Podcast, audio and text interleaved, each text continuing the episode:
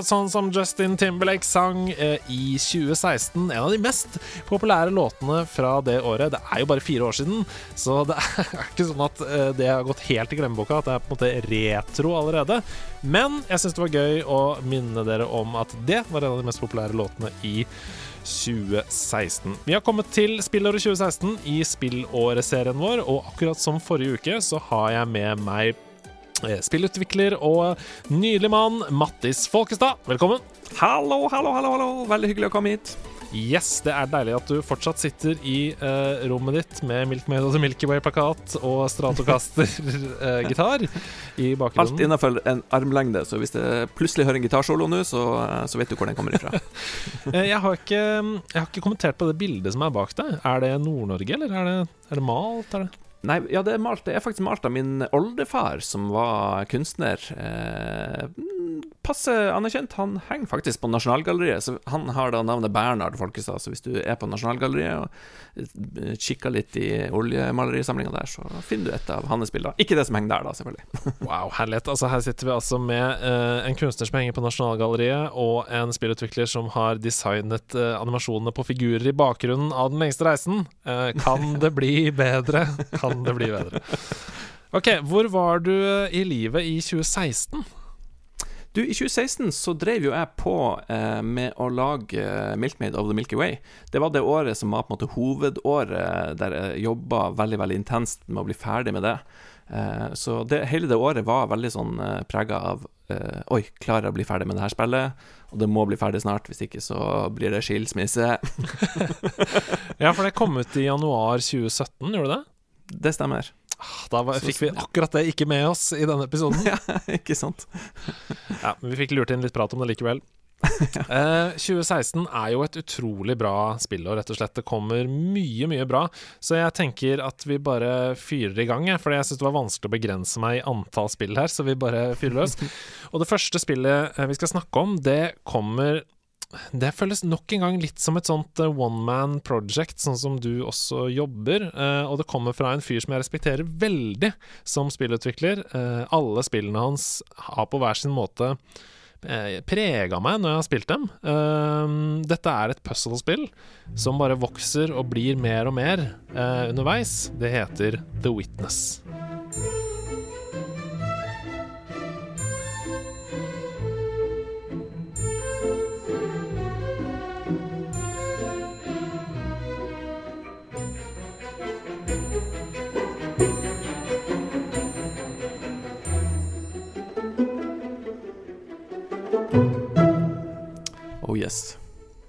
The Witness kommer da 26.1.2016. Uh, har du spilt The Witness? Jeg har spilt det, jeg har ikke klart å runde det, for jeg syns det var Det ble grådig vanskelig på, eh, på et eller annet tidspunkt etter noen timer.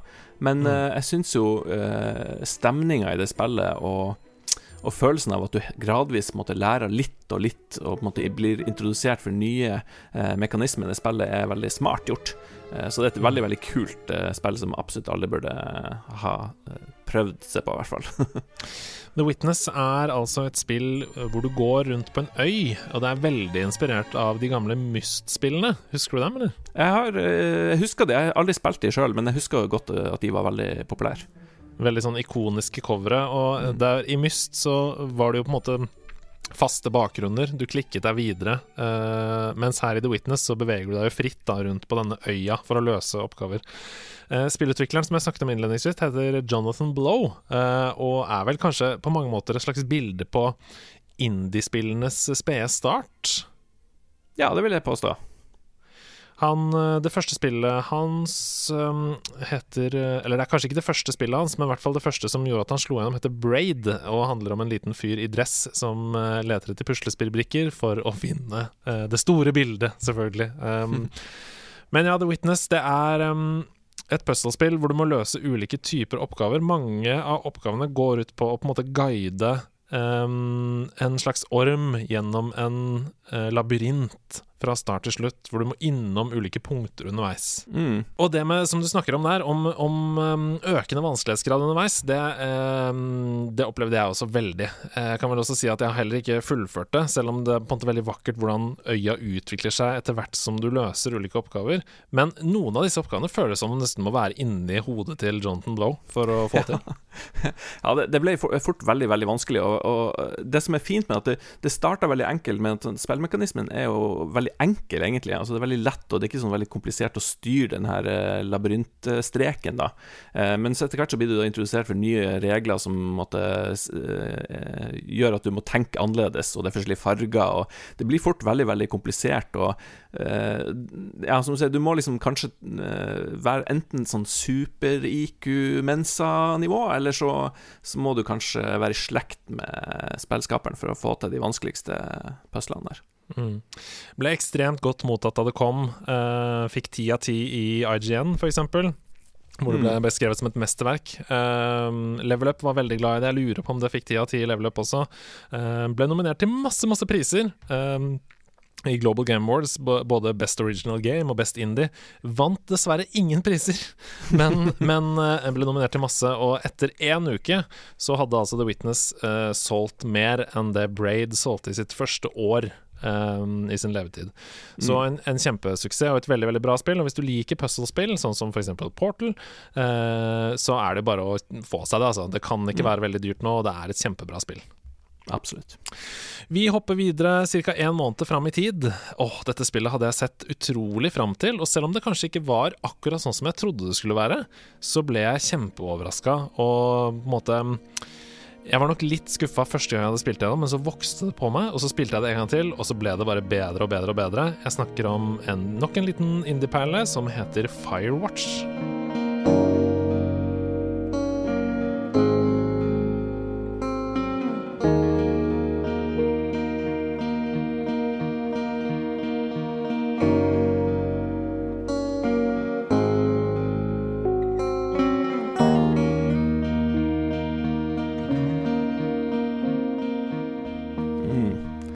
Firewatch er et spill som jeg har uh, veldig gode minner av. Det er et, uh, et, spill som jeg spilte år unna. Uh, som ofte dessverre ikke er alltid tilfellet med meg, fordi at jeg har lyst til å spille så masse, og så er det så lite tid, og så har jeg lyst til å lage spill i tillegg. Så.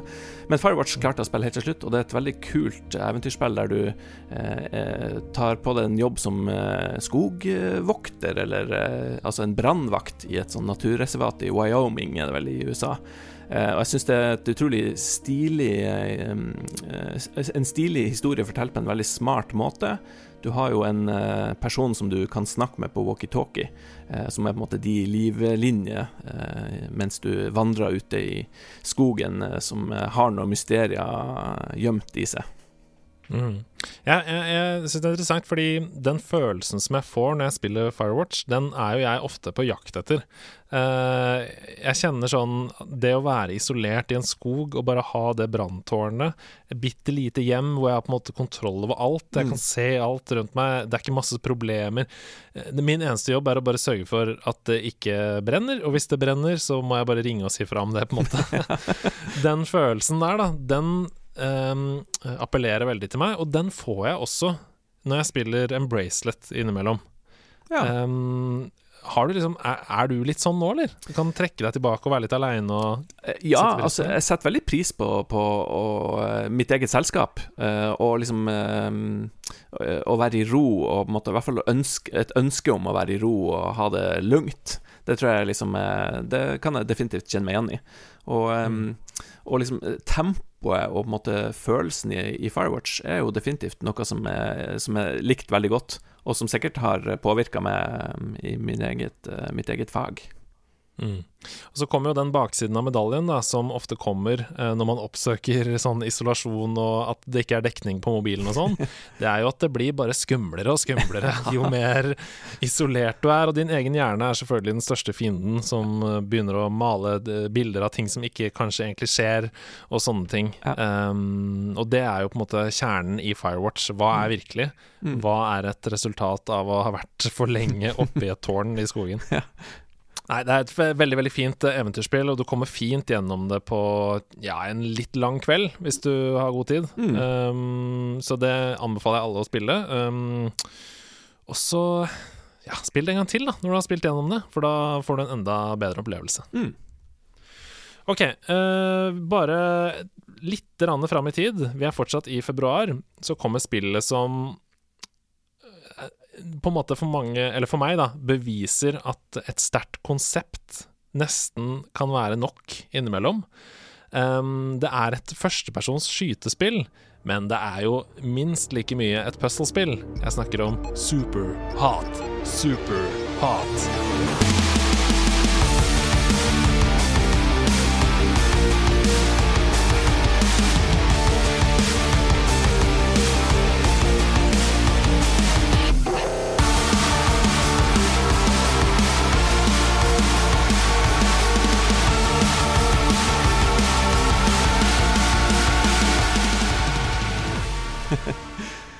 Superhot har jeg dessverre aldri spilt. Jeg har dessverre ikke noe VR-utstyr, men eh, jeg har jo sett videoer av det, og jeg har eh, stått på stand i USA med Milkmaids eh, ved siden av Superhot-standen, og så Det så veldig gøy ut. Eh, Jeg hadde ikke tid eh, til å stikke bortom der og si hei, men eh, det så dritkult ut. Mm. Det, er, det er gøy, fordi Superhot kom jo først på PC, og da ikke som et VR-spill, eh, men som et helt vanlig førstepersons skytespill. Um, og grunnen til at jeg sier at det er minst like mye et puzzlespill, det er jo at konseptet i Superhot er jo at ingenting skjer så lenge du står stille. Men Mm. hver gang du beveger deg, enten for å se til siden eller for å gå fram, så beveger også spillet seg. Så når du flytter deg en frame, så flytter også spillet seg en frame. Uh, og hver, hver level er bygd opp sånn at um, det er masse bad guys rundt i rommet som skyter mot deg på likt. Og så må du på en måte greie, i beste Matrix-stil, da, å uh, dodge disse kulene, eller å bruke uh, ting du finner rundt deg, til å ja, være bak cover. Um, men du kan også skyte tilbake, så det er en slags koreografi. Det er nesten som en dans og et puslespill mens du skyter slemminger. Ja, Og det er jo kanskje de kuleste videoene du får se på nettet av spill, når du ser en sånn nøye koreografert dans der alle bevegelsene er helt perfekt synkronisert, og det skytes, og det dodges, og det kastes kniver og vaser og hva som helst. Eh, og alt eksploderer i et eh, særlig tima inferno. Fy søren, nå fikk jeg lyst til å se sånn TAS-bot, altså Tool Assisted Speedrun, uh, på, på on Quick, uh, hvor, en, hvor en på en måte PC har programmert den kuleste måten en bane kan løses i Superhot. Det fikk jeg lyst til å se nå. Det, det var en god idé. Ja, nei, Det kommer jo da til VR 5.12.2016 og finnes også til PlayStation VR. Eh, og Der har jeg også spilt det, og det er en helt fantastisk opplevelse. Og det er virkelig sånn at det føles som om Ok, nå skjønner jeg hva VR kan by på en eller annen gang i fremtiden, når vi slipper å forholde oss til masse kabler, dårlig oppløsning, eh, kvalme etc. ok. Vi går videre eh, til den rake motsetningen, for her skal vi ned i tempo. Det er altså så slow-paced at eh, det er nesten så du sovner underveis, og det mener jeg som et skikkelig kompliment, for det er jo akkurat det du ønsker deg med dette spillet. Eh, å flykte fra hverdagen og kunne mm, skape din egen bondegård i det fri. Den 26. februar, dagen etter eh, Superhot, så kommer Stardew Valley.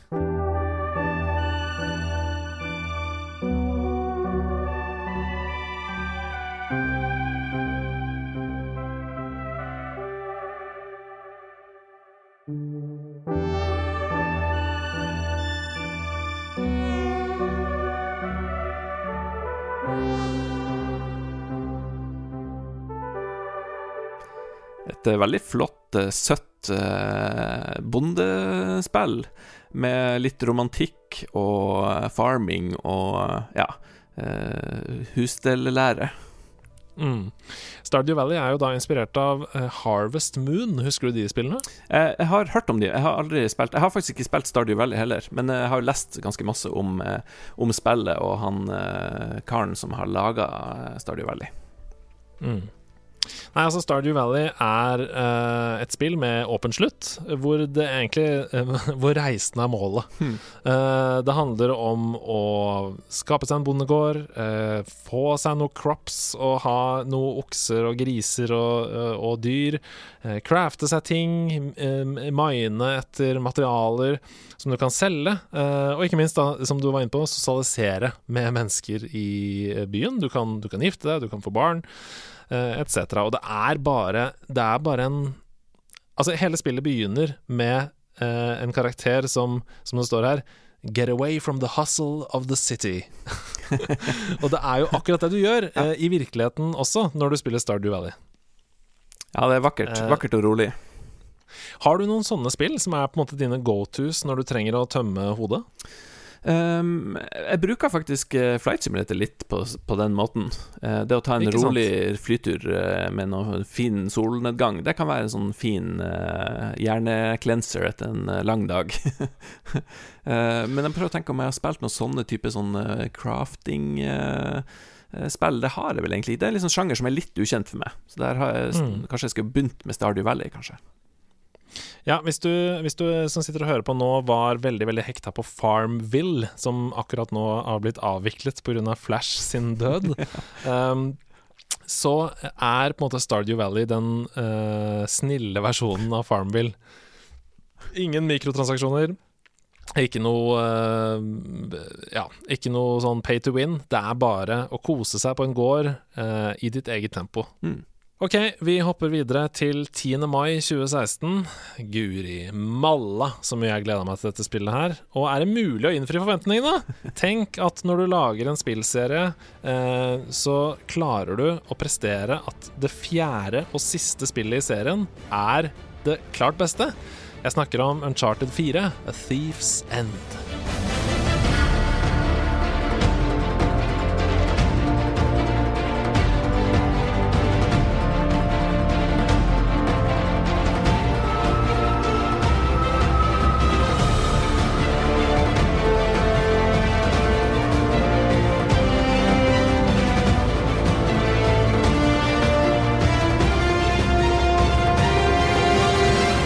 Her er det action fra første sekund.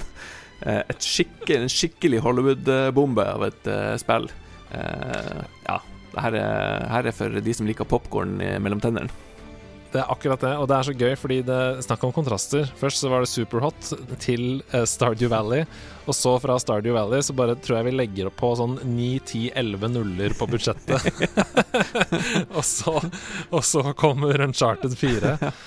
Ja, her er det et firma som har råd til å ansette folk som eh, har tånegler som eh, spesialitet, det er jeg sikker på. Det stemmer. Det er sikkert sånn 1000 mennesker som jobba i fem år med det spillet. Um, Uncharted 4 er en parademarsj av et spill, altså. Det er, det er liksom Det er Ringenes herre atter en konge i spillform. det handler altså om Nathan Drake, eh, vår tids eh, Indiana Jones. Eh, som gjennom tre spill tidligere har jaktet på ulike skatter. Eh, I Uncharted 4 så har han lovet sin eh, bedre halvdel å gi opp det livet. Eh, og slå seg ned, slå seg til ro. Men du vet, det kommer alltid one more treasure som eh, får han ut på veien igjen, og som risikerer da hele mm, forholdet med hans bedre halvdel. Eh, Og det er en veldig emosjonell og god og fantastisk eventyrhistorie. Historien i seg selv er kjempespennende Mm. um, og drar deg i masse ulike retninger. Og det handler om forhold til sin egen bror og familie, og uh, parallelt med disse fellene som selvfølgelig i beste Indiana Jones-stil er på jakt etter deg overalt, uh, og slemminger med sjuke våpen og ja. Det som Uncharted-spillene fikk litt kritikk for eh, i begynnelsen, det var at de prøvde å gjøre for mange ting på en gang. Eh, Sånn at for eksempel det fantes skytespill der ute som var mye bedre skytespill enn Uncharted. Uh, og så fantes det kanskje utforskende klatrespill, sånn som Tomb Raider, som var bedre enn det Uncharted gjorde. Mm. Men istedenfor å begrense seg, så syns jeg det er ganske fascinerende at de bare perfeksjonerte alle bitene. Ja. Så eh, skytingen i Uncharted 4 er kjempebra. Mm. Klatringen er kjempebra. Eh, live action-scenene er kjempebra. Eh, til og med sånne button-mashende sånn quicktime-events er kjempebra. Absolutt. Og bilkjøring er også veldig, veldig eh, stødig i det spillet. Det er akkurat det. Så eh, de har liksom De har, de har tatt eh, elementer da, som andre spillutviklere jobber kjempelenge med å kun perfeksjonere én ting, f.eks. bilkjøring, som du er inne på der. Mm. Og så er alt perfeksjonert Mm. i Uncharted 4. Til og med svømming, Ja. eh, både over og under vann, er eh, er en god opplevelse i Uncharted 4. Og så ser det ganske spilt- amazing ut. Det ser jo ganske amazing ut. Altså, det er jo så tett på Altså, det er jo Naughty Dog, dette her, som Ja. vi kjenner fra Last of Us, og som bruker veldig mye motion capture i spillene sine. Mm. Og spiller ut scenene da i et sånt stort green screen-rom, blant annet. Mm. Ehm, så det ser jo nesten fotorealistisk ut. Mm. Uh, men har du, har du spilt Uncharted 4? Jeg har spilt det og runda det, faktisk. Det, det står på lista mi som, et, eh, som en stor, kul popkornopplevelse. Jeg syns jo kanskje, hvis man skal trekke fram noe som, er, som jeg opplever litt, som litt negativt, så er det det føles litt rart, den der eh, Den uh, skytinga av uh, skurker i en sånn Ja. Indiana Jones-verden der ting er litt sånn morsomt og glimt i øyet. Så føles Mm. det litt rart at du i løpet av spillet har sikkert eh, drept eh, 1500 personer. Ja. Det er jeg helt enig med deg. Det er um, Hva skal jeg si, da? I, hvis de hadde løst det som MacGyver, Mm. hvor du på en måte bare eh, Du bare desarmerer alle fiendene før du går videre, Ja. eh, så hadde det nok vært en riktigere greie. Mm. Eh, men så er det Call of Duty-publikummet, da, som Mm. gjerne vil skyte litt og men, men det er liksom Jeg er enig, altså, når du, når du plutselig får opp en achievement som er sånn boom, 50 headshots. Gratulerer! Du har skutt 50 stykker i hodet. Ja. Eh, ja, jeg er litt enig. Det er litt rart.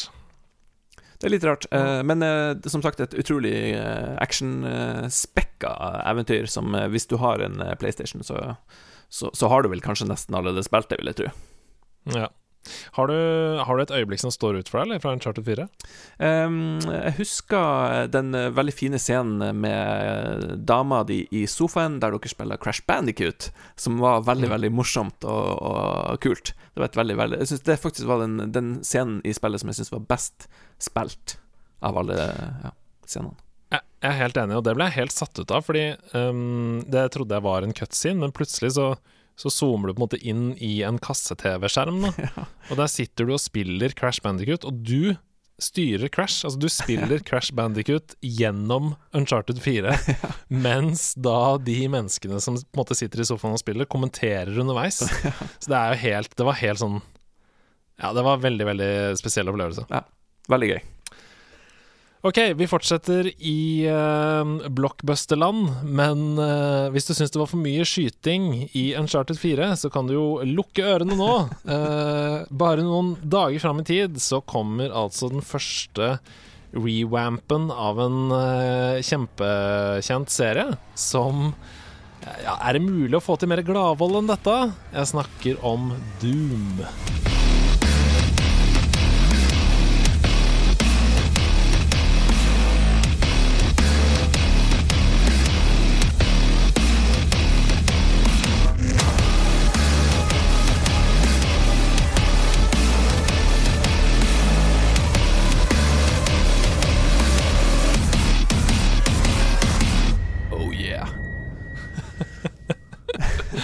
Metal-musikk og adrenalin og pumpehagler som er avsagd i skjønn forening. Eh, la oss gå og drepe noen aliens eh, sammen i Doom, da, du. Ah. Nei, Doom er rått. Jeg har faktisk ikke spilt uh, Doom siden jeg, jeg spilte originalen da det kom ut, uh, og syntes det var ganske så heftig. Men uh, jeg har Mm. liksom eh, ikke, ikke spilt noen av de senere rebootene og versjonene som har kommet. Men det som er så fint med den eh, 2016-revampen av den serien, det er at eh, de har vært utrolig tro mot originalen. Så du kan jo, du kan jo snakke om hva du syns er uh, gøy og bra da med Doom generelt. Så tror jeg det er ganske gjeldende for Ja. 2016-spillet òg. Altså det er jo en, en Vi snakker om eh, koreografert ballett i eh, Superhot, så er jo Doom eh, litt av det samme, da. Det at du eh, hele tida beveger deg.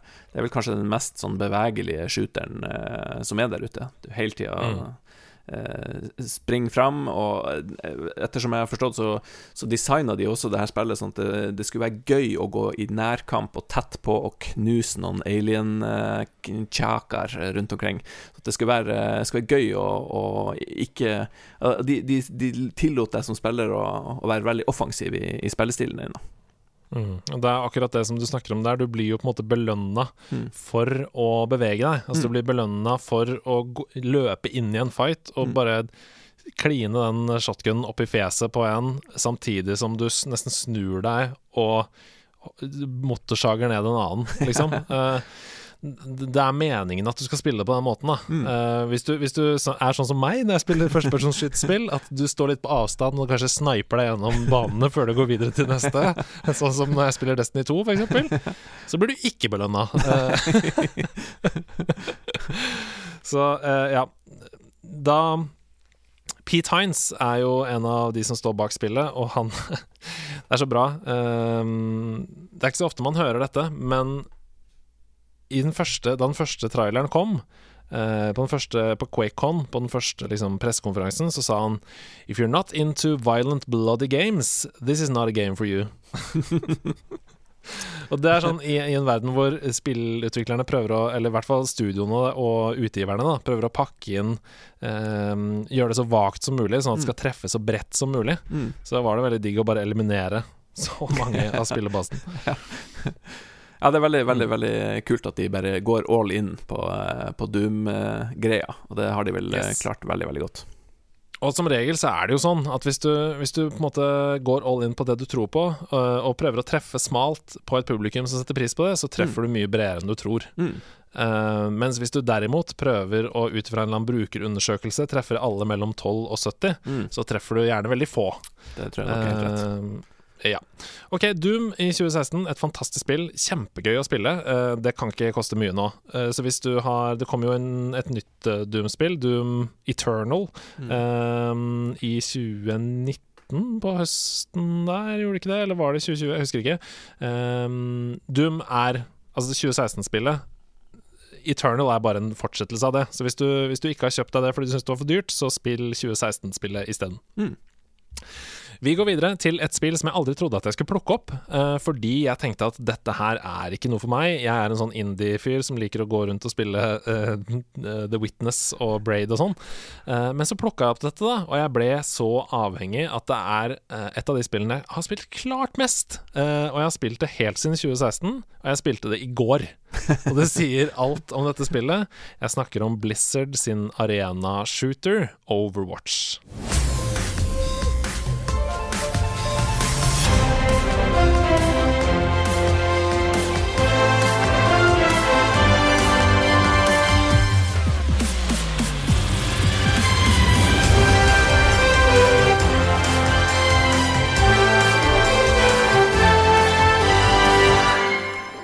Det er jo et eh, fantastisk vakkert eh, og kult eh, spill. Som jeg dessverre aldri har fått uh, testa. er det verdt for meg nå, fire år etter at det kom ut, å prøve Overwatch, eller er det skipet seilt ut av havna? På ingen som helst måte, fordi spillebasen er fortsatt kjempestor og levende. Mm. Uh, Overwatch er da et uh, team-based uh, multiplayer-spill. Hvor man spiller på et lag med seks personer mot et annet lag med seks personer. Mm. Alle har ulike roller. Du trenger ikke å være kjempegod til å skyte. Eh, du kan f.eks. spille support hvis du har lyst til å heale, holde laget ditt i live. Eller du kan spille tank hvis du har lyst til å da trekke oppmerksomheten mot deg, slik at du kan eh, lage rom da for Mm. de på laget ditt som er gode til å skyte, f.eks. Eh, så det er, det er et spill som eh, belønner mange ulike spillestiler. Mm. Og det er kjempegøy, men, det, men man kommer ikke unna at det er et multiplayer online-spill. Eh, og det, hvis du ikke har noe lyst til å måtte face eh, andre mennesker som plutselig står oppi fjeset ditt med våpen, f.eks., uh, så er det ikke noe for deg. For det er fast-paced, det går fort, og du må liksom eh, Du får litt høye skuldre og sånn. Men når det flyter, og når laget ditt snakker godt sammen, eh, så er det altså Det fins nesten ikke noe morsommere, altså. Mm. Eh, det som også er gøy med Overwatch, er at den tradisjonelle moden, altså competitive eller quick play eller sånn, går ut på da enten å eh, ta over, altså litt sånn eh, capture en, en base, for eksempel, da, eh, som kanskje motstanderen eh, forsvarer. Eh, du prøver å ta ut det laget, og så skal du ta over basen, Mm. før du kan ta punkt, eh, punkt B, for eksempel, som er et annet punkt på brettet. Som vi kjenner fra andre spill, sånn som for eksempel Counter-Strike, hvor du skal desarmere på en måte en bombe, da. Mm. Men utviklerne har Det virker som et sånn overskuddsprosjekt, så det fins veldig mange andre modes også. Eh, karakterene i spillet har fått helt egne modes. For eksempel så er det en karakter som heter Lucio, som er en healer. Uh, han er fra Brasil, Mm. uh, og hans gameplay er at du har Han er en DJ fra Brasil, og han har én plate som han spiller, som er en slags healing-plate. Så når han spiller den plata, så healer alle rundt han. Og så er han en plate som han setter på, som er sånn at alle rundt han får speed boost. Ja, så fett. Så bytter du mellom de to, og det er jo i Overwatch. Men han har, fått, han har fått en helt egen mode som heter Lucio Ball. Og da er det bare to lag med Lucios som spiller på en måte Rocket League eh, rundt på en bane, og så er det om å få en fotball inn i den andres mål. Og det har jo ingenting med skytespill å gjøre. Ja, det er det ligger da, det ligger da inne i Overwatch, og det finnes masse forskjellige modes. Du har Mystery Heroes, hvor du blir tildelt en tilfeldig helt som du kan spille med hver gang du dør. Så får du en ny helt, og du begynner på nytt. Og, Mm. eh, så ja, det er et kjempespill fullt av masse kreativt overskudd, og det er jo, som du sier, da, Blizzard polished. Så Mm. Ja. ja, kunne, vi kunne hatt en hel eh, episode kun om Overwatch, så mye har jeg spilt det, men jeg tror vi skal gå videre.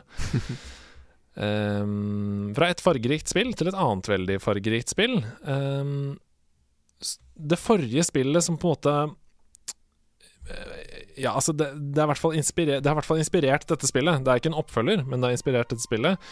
Det het eh, Journey, og det spilte jeg så utrolig mye. Jeg har spilt det mange ganger igjennom. Jeg elsker det spillet. Det er topp ti for meg gjennom tidene. Mm. Dette spillet foregår under overflaten og heter Abzu.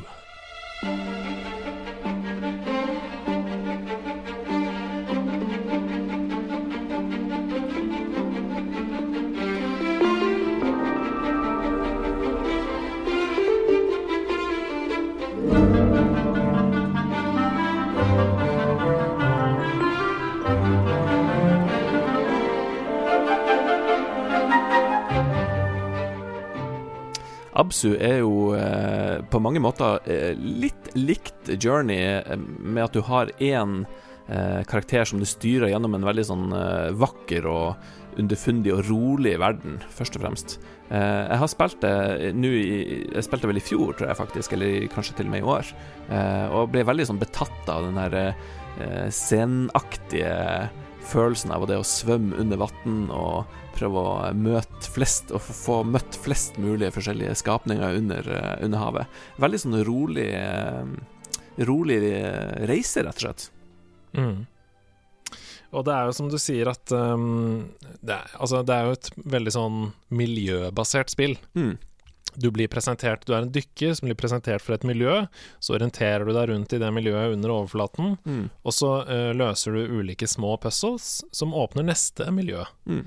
Uh, og reisen er uh, minst like viktig som målet, Mm. på en måte. Og jeg er sikker på at du kan spille gjennom spillet flere ganger og oppdage nye ting underveis. Helt sikkert. Det er, en, det er en veldig sånn, som du sier, det er som å sette på noe rolig musikk og sette seg i en stol og tenke over livet, liksom. uh, og spille Abzu, da. Mm.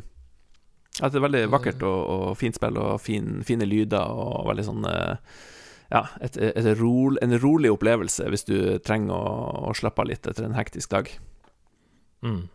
Og så er det jo mer ved spillet enn det øyet først kan se. Det er, eh, det er basert på en mytologi som heter Sumerian. Eh, som handler om f.eks. myten av havgudinnen Tiamat. Da. Og eh, ferskvannsguden Abzu. Mm. Eh, og eh, tittelen er- kommer også fra dette. Eh, Ab betyr vann, mens Zu betyr to know. Så ehm, Og utviklerne har tatt seg friheten til å oversette dette til Ocean of Wisdom. Det er på en måte det uh, Abzu er, da. Mm. Og det føles jo veldig sånn også. Det føles som å gå til uh, Jeg vet ikke, det føles som å gå i terapi samtidig som man spiller et spill. Ja. Det er et veldig pent uh, spill, altså. Mm. Uh, fra et indie-game bestående av 13 mennesker i teamet, til et annet lite dansk indie-game som består av enda færre. Uh, man skulle tro at det var umulig å følge opp den lille svart-hvite perlen Limbo. Uh, men herlighet som man fulgte det opp med det lille puzzle-eventyrspillet Inside, som kom 29.6.2016.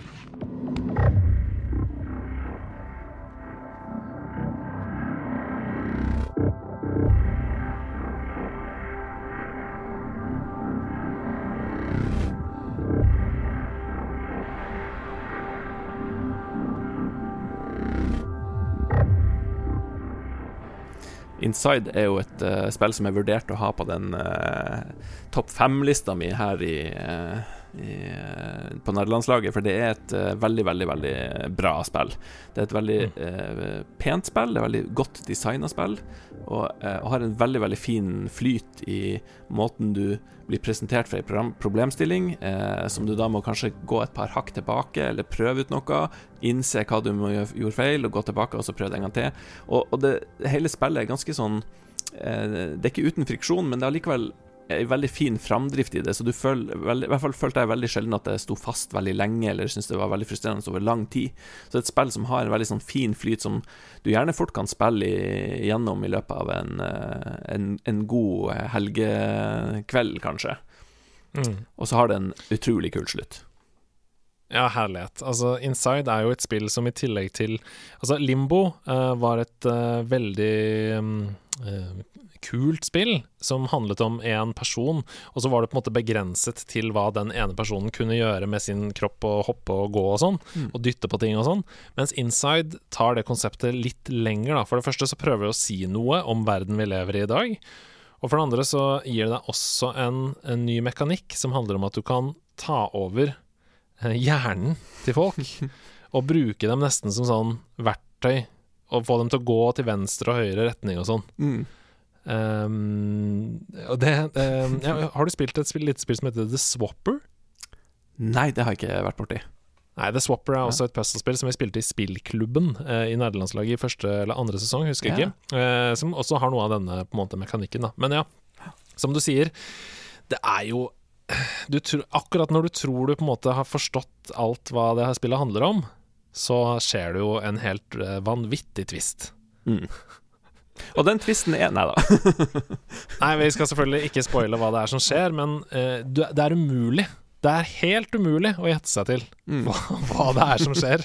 Um, og selv om det spillet er fire år gammelt, så er det sånn at det har holdt seg kjempebra. Og hvis du ikke har spilt det, så må du bare gå uh, og spille det. Uh, og derfor så kommer vi heller ikke til å fortelle noe mer om det, da. Men, men ja, det, den siste halvtimen av spillet der, den er helt uh, den er helt absurd. absurd og mind-blowing, eh, som jo danskene er gode til å få til. Ja, helt fantastisk, og utrolig deilig at de orka å gå dit. Mm. Nå skal vi snakke om den beste førstepersons uh, skytespill-campaignen jeg har spilt i hele mitt liv. Um, og det er ganske interessant, for jeg tror egentlig ikke at dette spillet Jeg tror ikke de fokuserte på at det var det som skulle være selling point. Jeg tror de tenkte at multiplayer var det viktigste. Men så står det igjen da, som en av de absolutt beste campaignene som er lagd i et uh, førstepersons skytespill. Jeg snakker om Titanfall 2.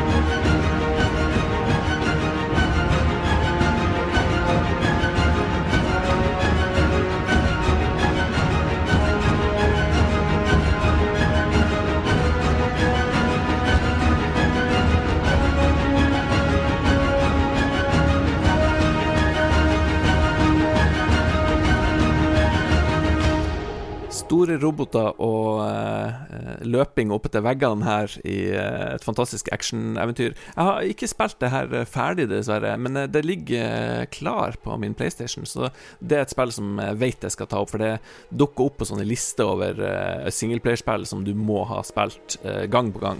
det er mm. fantastisk smooth action, og det ser veldig kult ut. Det, det, kjører veldig bra på, på, på PlayStation også. Uh, og ja, det ser amazing ut. Veldig kul action. Uh, ja, rett og slett et skikkelig festlig eventyr. Det som er med Titanfall, er jo at du styrer en person um, som etter hvert som du um, bygger opp XP, på en måte, eller dreper folk eller uh, får til ting, uh, bygger opp et meter som gjør at du kan kalle inn da denne Titan. Uh, og når du da trykker på en knapp, så faller da en Titan fra himmelen. Akkurat så voldsomt og kult som det høres ut. Som er en slags stor mekk som du kan gå inn i. Um, og i Titanfall 2 så har du muligheten til å personifisere denne mekken uh, litt hvordan du vil, med ulike typer våpensammensetninger. Uh, og du blir bare mer og mer på en måte OP, da. Mm. Uh, og det er kjempegøy å spille eh, både med Mech og uten Mech, for det er også som du snakker om her, det er litt sånn wallrunning, det er dobbelthopp, det er veldig sånn dynamisk eh, måte å spille på. Mm. Eh, og det førte jo til at eh, multiplayer-delen, altså når man spiller spiller mot spiller, ble veldig eh, levende, og folk fant ut helt uh, sjuke måter å kunne spille det på ganske fort, Mm. hvor utviklerne også var sånn Hæ, men du skal ikke kunne gå dit? Men enspillerdelen, den varer i seks til åtte timer.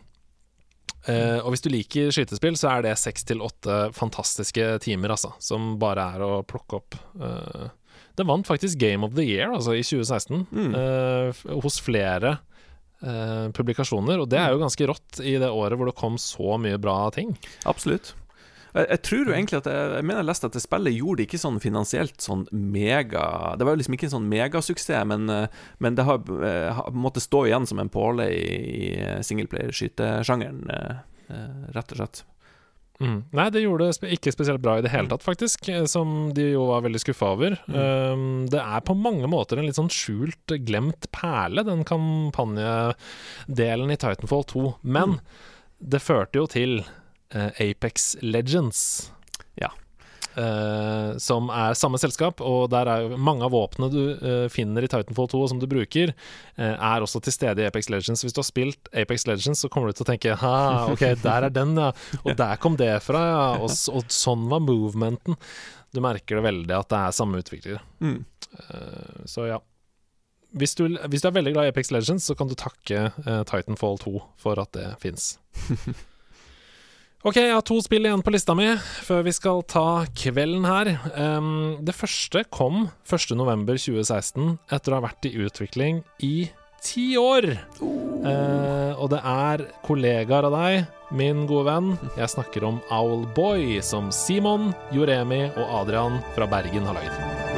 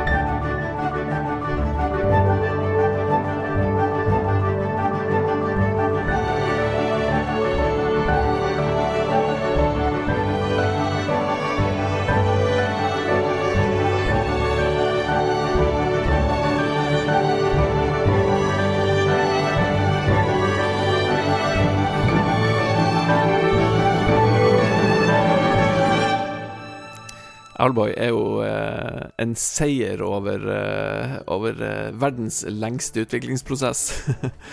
det at de her guttene eh, jobba med det her prosjektet over så lang tid uten å, eh, uten å gå fullstendig bananas og eh, havne i institusjon, et, et mirakel. Men eh, det er et utrolig vakkert og kult indie, en indie-platformer. Eh, som eh, dessverre ikke har fått fullført, men har spilt en god del av. Jeg syns det er et eh, skikkelig, skikkelig kult spill som absolutt alle som, som er glad i dataspill, vil kunne sette pris på. Mm. Kan ikke du fortelle litt om hva det går ut på, fra liksom starten av? Du spiller vel en liten uh, uglegutt som heter Otis, hvis jeg ikke husker feil. Um, mm -hmm. Du uh, skal Å, vet du hva, nå begynner å bli så lenge siden jeg spilte SPF. jeg spilte det da det kom ut. Ja. Eh, Nei, jeg, jeg kan godt ta over. Du, Ta over. Um, det er helt riktig som du sier at du spiller Otis, og det som er på en måte unikt med denne Otis-figuren, da, det er jo Det er en veldig søt og pen historie om en Om å få tro på seg selv, Mm. egentlig. Uh, og selvtillit, og, og skjønne at selv om man er annerledes, så kan man få til ting, og du vet alle de tingene der. Mm. Uh, Otus sin gode egenskap er at han i seg selv isolert sett ikke er så veldig spesiell. Han kan fly rundt og sånne ting, Mm. men han kan plukke opp andre som kan gjøre ting. Mm. Eh, så eh, ganske tidlig i spillet så blir du kjent med eh, en soldat som heter Geddy. Mm. Og Geddy kan du da plukke opp i lua med dine ugleklør. og så kan han skyte på ting, f.eks. For, eksempel for deg. Ja. Så det blir en slags puzzle-plattformerspill, hvor du også må etter hvert Du får ulike skills som gjør at du kan teleporte fram og tilbake. som gjør at du kan sette fra deg Geddy, teleporte tilbake, åpne en dør og sånne ting.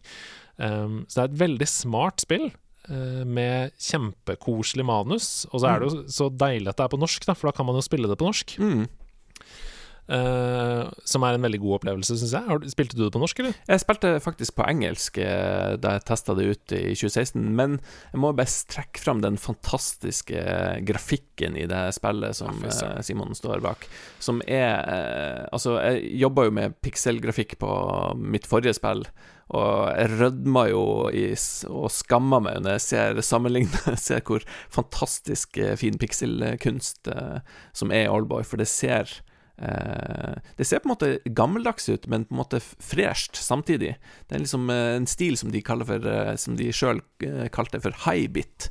Eh, som er en Mm. slags oppdatert eh, kanskje 8-16-bits-grafikk som, som, eh, som ser på en måte retro ut, men allikevel ser også veldig, veldig, veldig, veldig fin ut. Mm. Ja, det er helt riktig som du sier der. Og jeg, jeg lurer på altså Grunnen til at det tok eh, ti år, da, det er jo også fordi man som kunstner, som de definitivt er, disse Mm. gutta, eh, utvikler seg, blir dyktigere underveis, og så ser man sånn Åh, nå Det siste jeg har gjort i dette spillet, er jo mye bedre enn det første jeg gjorde. Ja ja, dere, vi begynner på nytt. ah, har, kjenner du deg igjen i det, eller? Uh, vet du hva, der er jeg faktisk uh, ganske flink med å være streng med meg sjøl, så eh, jeg liker veldig godt å, å, å bare fortsette. En sånn som uh, OK, nå er jeg ferdig, det- får være greit nå. Så jeg er heldigvis ikke sånn som eh, eh, som må gå tilbake, men så kan jeg heller gå og angre meg etterpå på at jeg ikke gjorde det, gjorde det på nytt igjen. Mm. Men da blir det neste spillet, vet du. Det, det, det bærer frukter av det. Så jeg, jeg tror det er veldig sunt, det. Eh, ikke for å si noe negativt om Dpad, for det er jo et helt utrolig eh, flott studio som Og Alboy er en kjempegod opplevelse. Virkelig, altså. Mm. Eh, du kan få det på PlayStation 4, Xbox One, Nintendo Switch, PC, Mac, eh, hva du måtte ønske. Mm. Um, og det er det bare Det er rett og slett bare å gå og kjøpe. Fordi Mm. det, alle som liker spill, som du sa, eh, kommer til å få noe ut av å spille Alboy. Jeg er ganske også sikker på at det her finnes på eh, ganske mange biblioteker rundt omkring i Norge. Eh, Jeg vil bare trekke fram det at eh, ditt lokale bibliotek har gjerne ei sånn ganske kul spillsamling i et hjørne, så hvis du eh, tusler bort til biblioteket en eh, høstkveld, så eh, kikk litt ekstra nøye i eh, ungdomsseksjonen, for der er det ofte mange skjulte skatter i eh, spillhylla, der du kan få med deg et spill eh, eh, gratis til låns. Det er et kjempegodt tips. Vi har snakka litt om den biblioteksordningen i nederlandslaget tidligere, men eh, vi kan aldri snakke nok om det, fordi det er Altså, de har, de har helt moderne spill. De har Mm. helt nye utgivelser, eh, ofte, som du bare kan plukke med deg gratis på lån da, hjem. Absolutt. Så gå for det. Um, I noen tilfeller så har de faktisk også konsoller til utlån. Mm. Uh, jeg syns det er utrolig gøy å kunne rappe opp disse to ukene med episoder av Sidequest sammen med deg, Mattis, med et spill som på en måte pakker inn hele vårt, eh, våre to uker sammen. Så nydelig. Eh, for på slutten av 2016, endelig, etter årevis med venting, så kommer oppfølgeren til Shadow of the Colossus. Den 6. desember 2016 kommer Fumito Uedas The Last Guardian.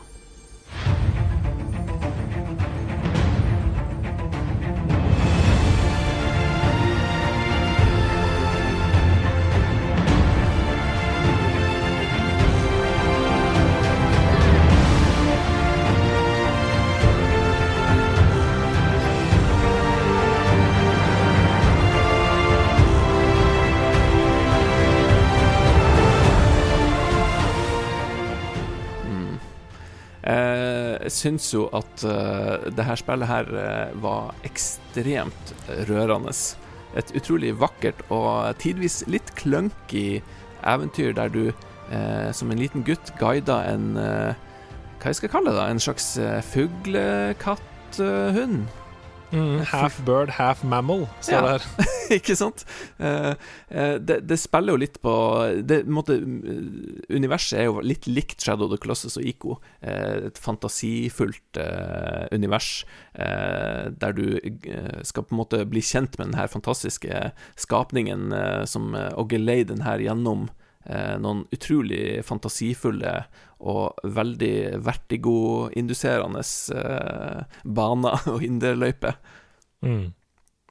Denne skapningen heter da Trico, um, og du spiller som en liten gutt som blir venn med denne Trico, da.